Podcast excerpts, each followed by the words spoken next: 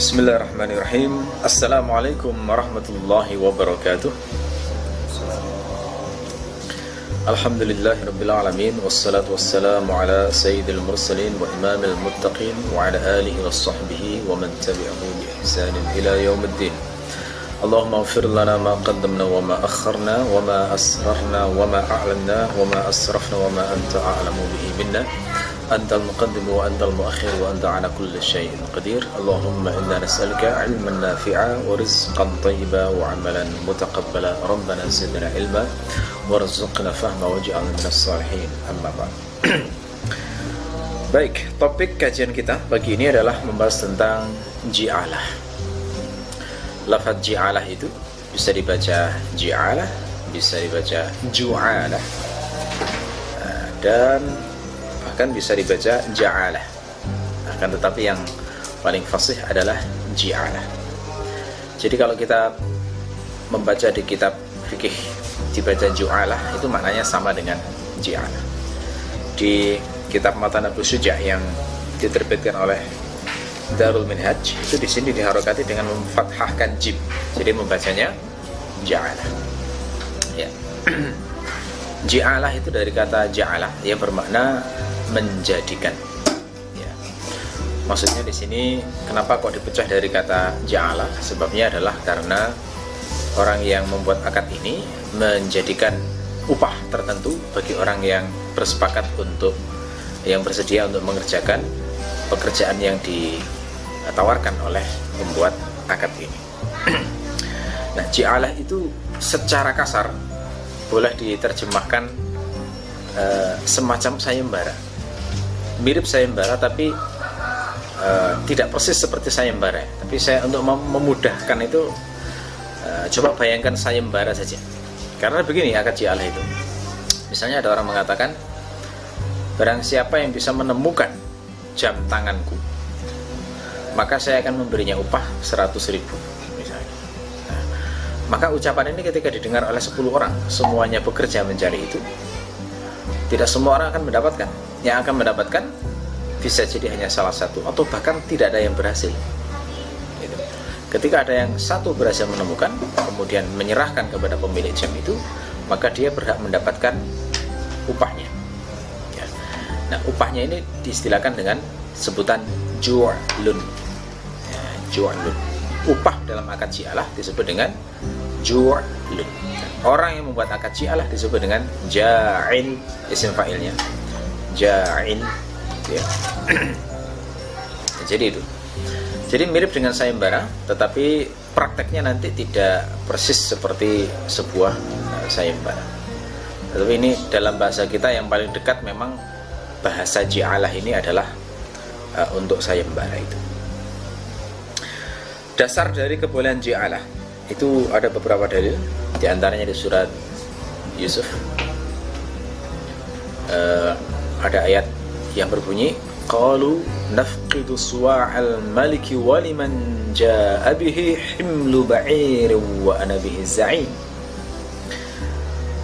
Orang-orang para pegawai Yusuf itu mengatakan nafqidu suwa'al malik kami keting kami kehilangan piala dari sang raja Waliman ja'a bihi, siapa yang bisa menemukannya? Himlu ba'ir, maka dia akan mendapatkan upah. Satu muatan penuh unta. Wa ana bihi za'in dan saya menjamin untuk membayarkannya. Nah, ini uh, adalah akad Allah. jadi kehilangan uh, kehilangan apa? Piala raja itu, piala minuman raja itu Kemudian siapa pun di antara saudara-saudara Yusuf yang bisa menemukannya maka dia mendapatkan upah sebanyak makanan sepenuh beban seekor unta. Jadi ini secara uh, implisit itu adalah akad jialah meskipun itu terjadi di masa Nabi Yusuf dan itu syariat umat sebelum kita. Tetapi ketika tidak ada larangan amal semacam itu maka dan dalam Islam tidak di, dikoreksi maka berarti diakui ada akad jialah yang demikian itu dasar dari Al-Quran kalau dari hadis itu lebih lugasnya ada dalam uh, hadis riwayat Bukhari tentang Ji'alah ini saya bacakan riwayatnya An Abi Sa'id radhiyallahu anhu qala انطلق نفر من أصحاب النبي صلى الله عليه وسلم في سفرة سافروها حتى نزلوا على حي من أحياء العرب فاستضافوهم فأبوا أن يضيفوهم فلدغ سيد ذلك الحي فسعوا له بكل شيء لا ينفعه شيء. فقال بعضهم لو أتيتم هؤلاء الرهط الذي نزلوا لعله أن يكون عند بعضهم شيء. فأتوهم فقالوا يا أيها الرهط إن سيدنا لدغ وسعينا له بكل شيء لا ينفعه. فهل عند أحد منكم من شيء؟ فقال بعضهم نعم والله إني لأرقي ولكن والله لقد استضفناكم فلم تضيفونا فما أنا براق لكم حتى تجعلوا لنا جعلا. فصالحوهم على قطيع من الغنم فانطلق يتفل عليه ويقرأ الحمد لله رب العالمين.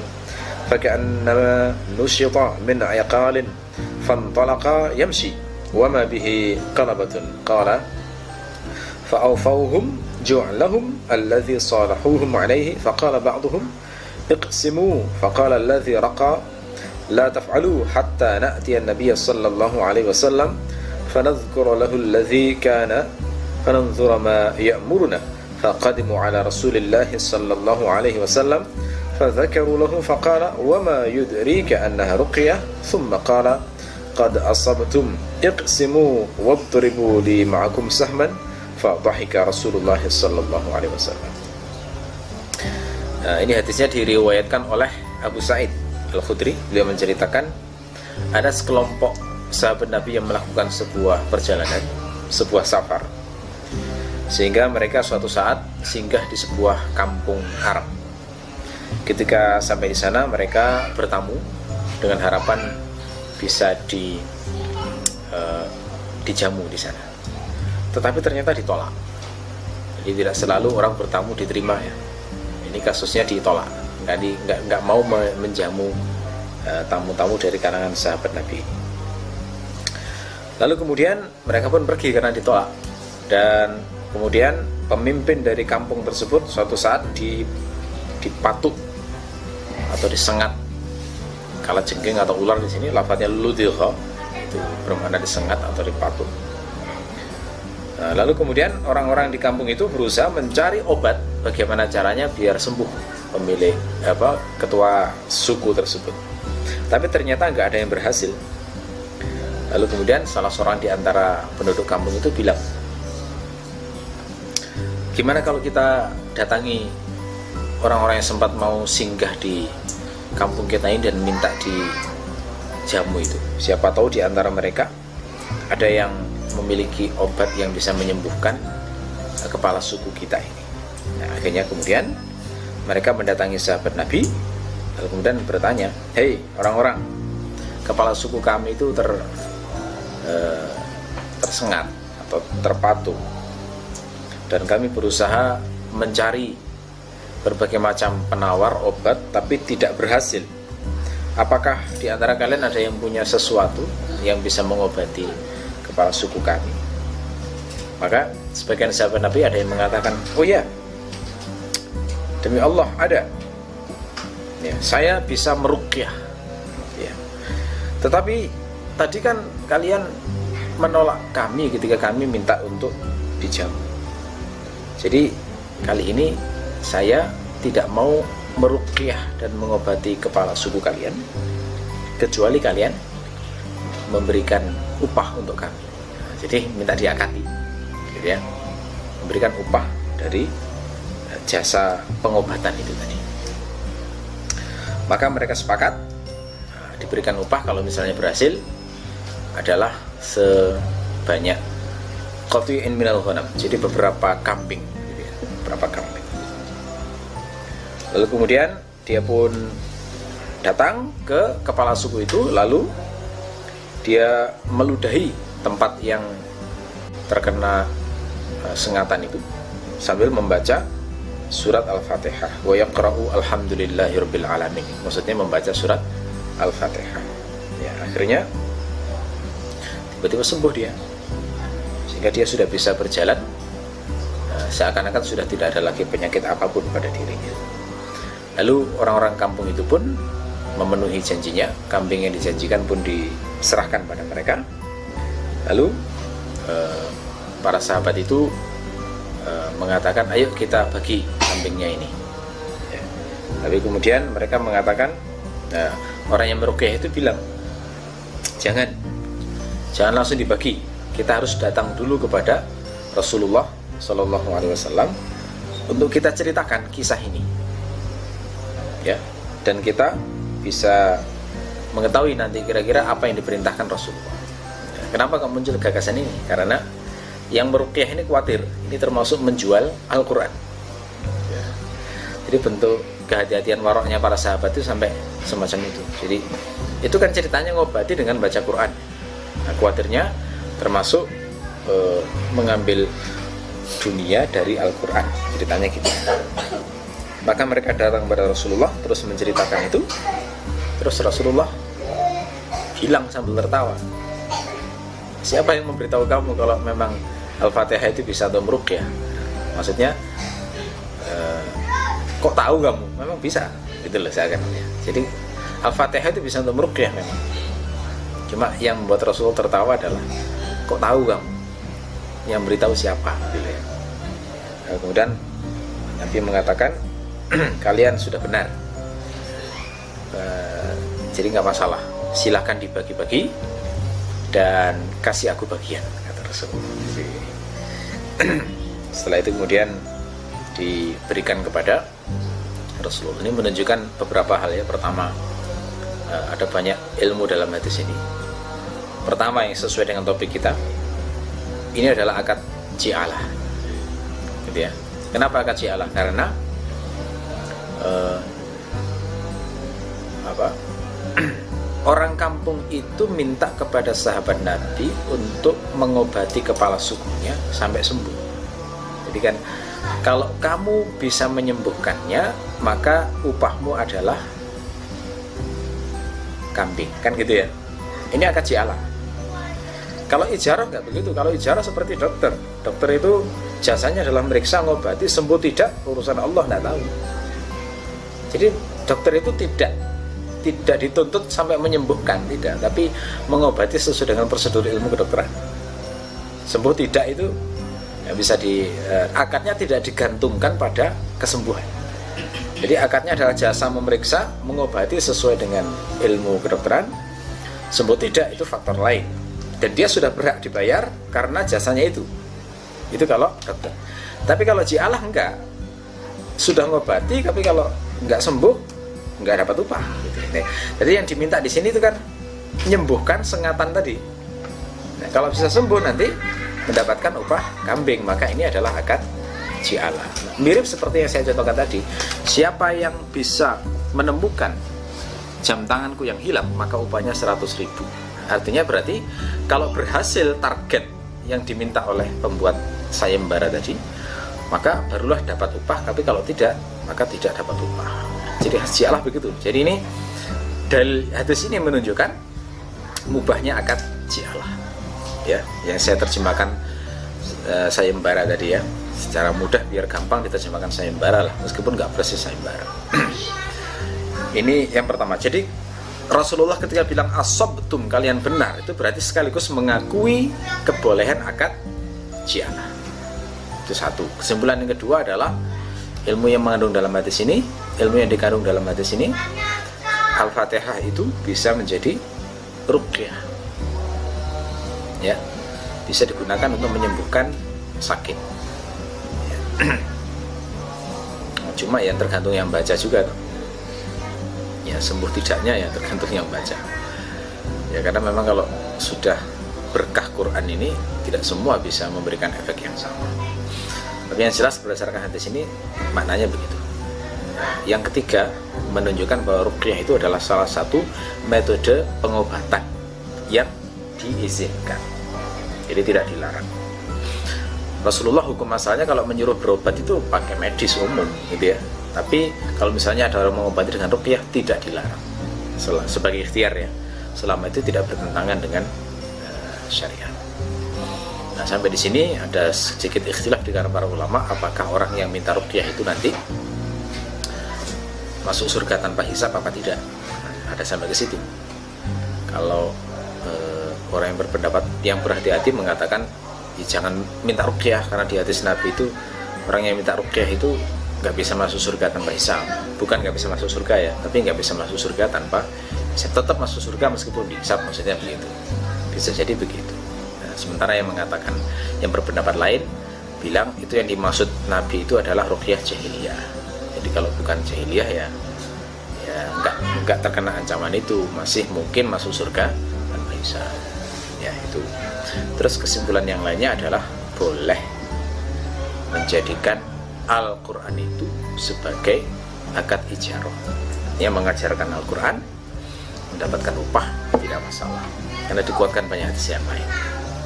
Ya, ya bahkan dari dari dari hadis yang semacam ini dan yang semisalnya itu mazhab Syafi'i membolehkan akad ijarah untuk ibadah. Balik.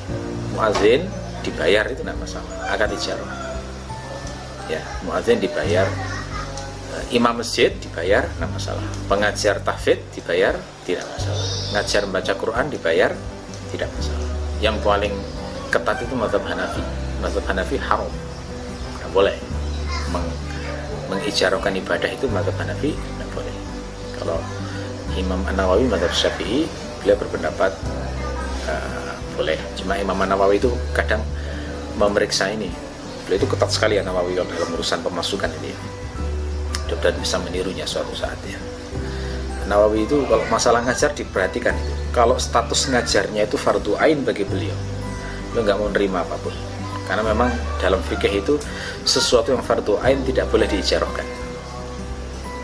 Misalnya sholat gitu ya. Kan fardu ain bagi orang.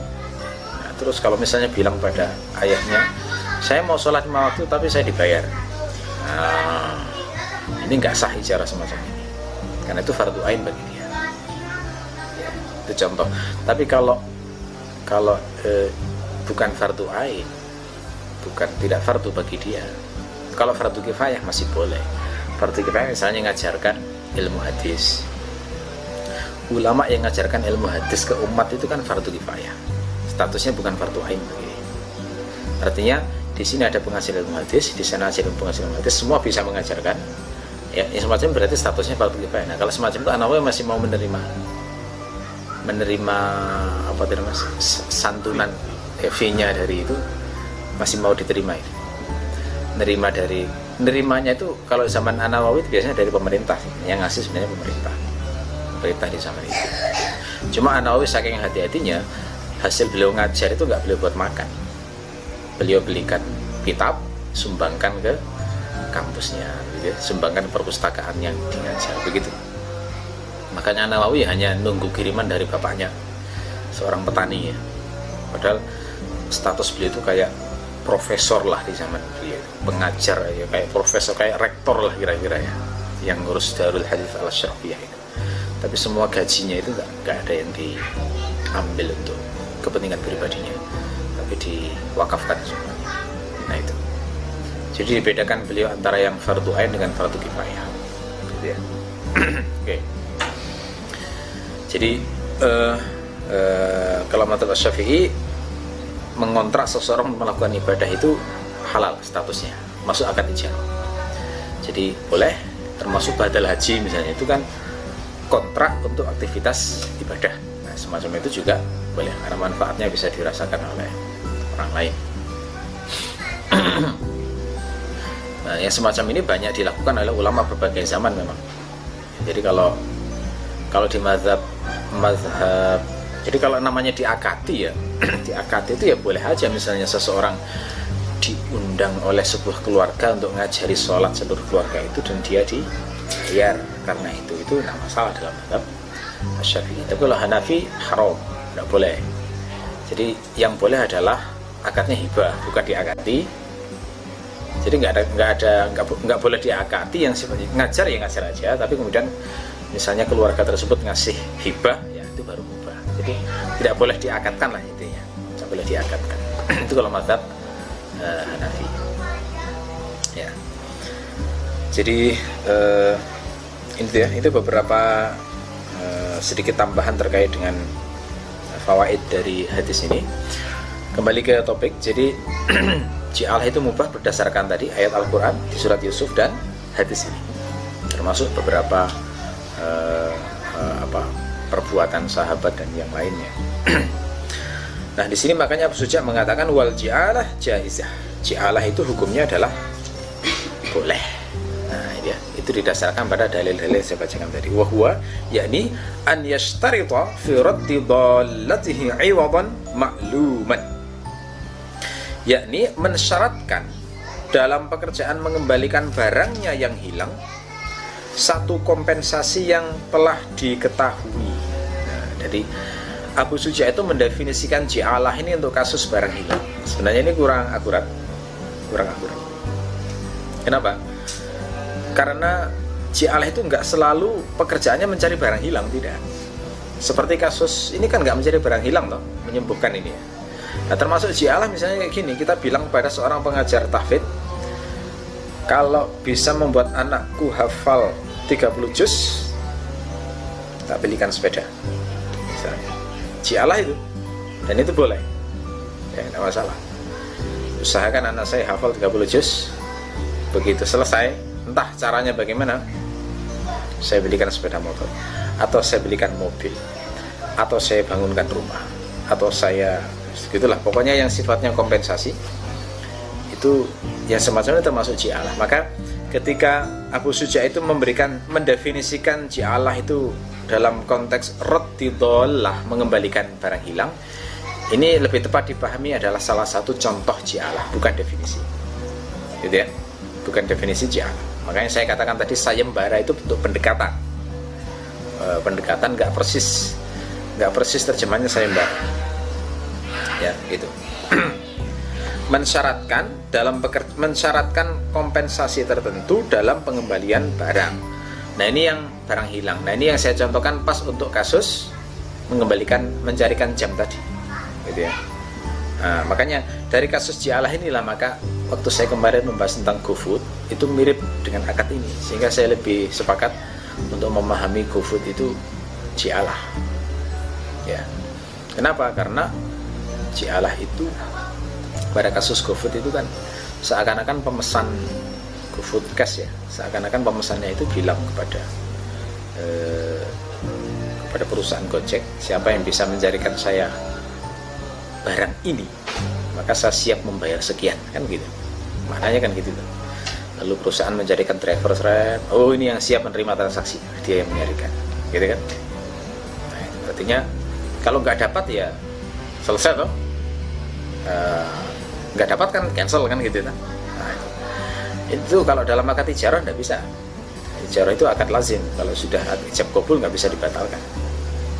Jadi harus kalau sudah misalnya namanya ijarah itu sudah pesan maka uang nggak bisa di, diambil kembali dan perusahaan wajib mencarikan sampai ketemu. Nah, itu baru akad ijarah ya. Nah lebih jeli lagi kita bisa mengatakan ji'alah itu sebenarnya esensinya ijaroh yang dilonggarkan. Itulah ya gampangannya. Karena sebenarnya dari sisi jasanya sama saja dengan ijaroh ji'alah itu sesungguhnya kan akad jasa toh. Ya, jadi mencarikan barang hilang menyembuhkan orang yang sakit mengajari anak sampai hafal Quran misalnya. Itu kan jasa semuanya. Nah, cuma jasa yang amalnya tidak maklum itu loh bedanya dengan dengan ijarah. Kalau ijarah kan amalnya maklum, amalnya diketahui jelas. Tapi kalau jialah bukan amalnya diperhatikan, terserah kamu amalnya bagaimana, yang saya perhatikan hasilnya. Mana gitu. Nah itu bedanya jialah dengan ijarah. Maka kalau dalam bahasa saya, jialah itu sesungguhnya adalah bentuk ijarah yang lebih longgar.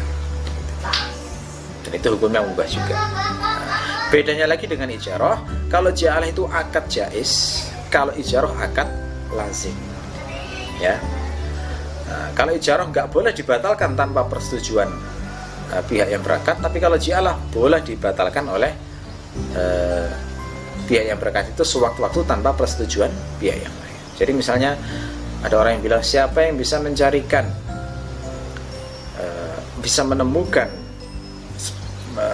jam saya yang hilang maka dia mendapatkan 100 ribu. Terus ada 10 orang yang bilang oke okay, saya mau mencarikan. Sudah terjadi akad, terus lima orang di antara mereka membatalkan. Oh saya nggak jadi mencarikan nggak masalah.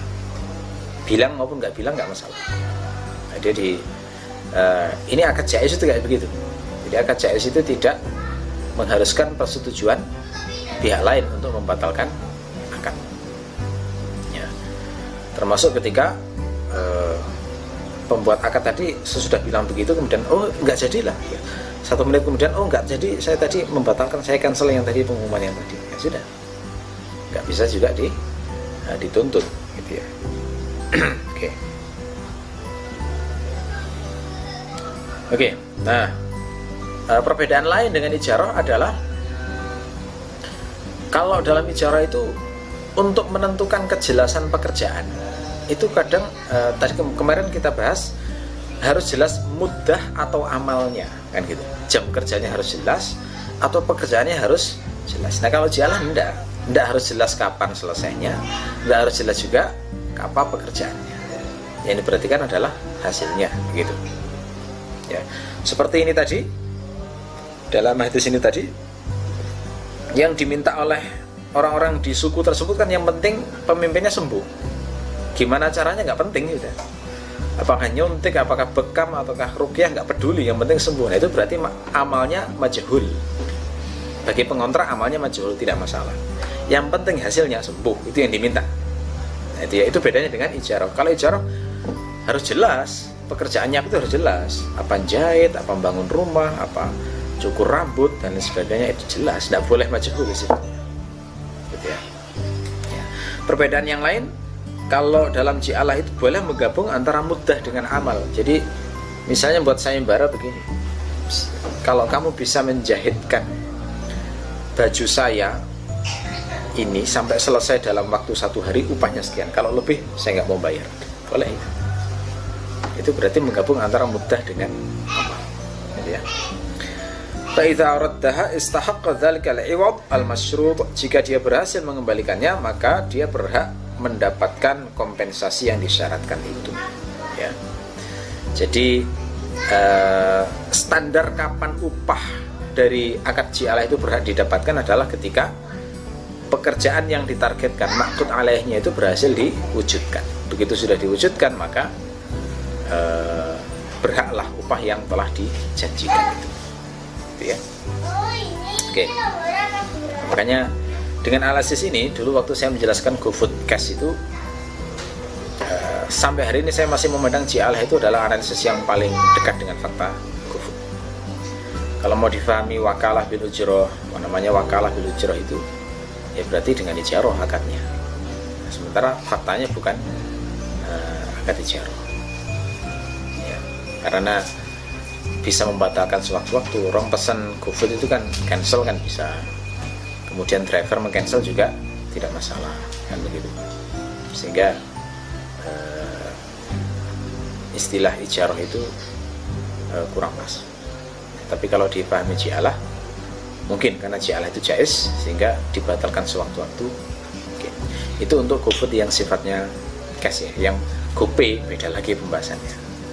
Saya saya belum pernah membahas penggunaan GoPay yang dulu saya fokuskan adalah pembahasan tentang GoFood yang bayarnya cash. Dibatasi di situ ya. Kayak gini ya. Beratnya bahas muamalah kontemporer itu kayak begini jangan dikira jangan dikira bergelut fikih itu nggak mumet ya. Mumet betul itu terutama dalam urusan memahami faktanya untuk di, dihukumi berdasarkan kaidah-kaidah fikihnya. Itu tidak gampang benar-benar eh, perlu berpikir serius. Sementara dunia terus berkembang. Kan terus berkembang. Jadi akad-akad yang nggak ada di zaman Nabi sekarang sudah mulai ada. Dan itu harus disikapi nggak mungkin abai di sini kalau sampai Islam memberikan jawaban begitu maka lama-lama ditinggalkan Islam itu akhirnya. Itu, ya, itu bahayanya di situ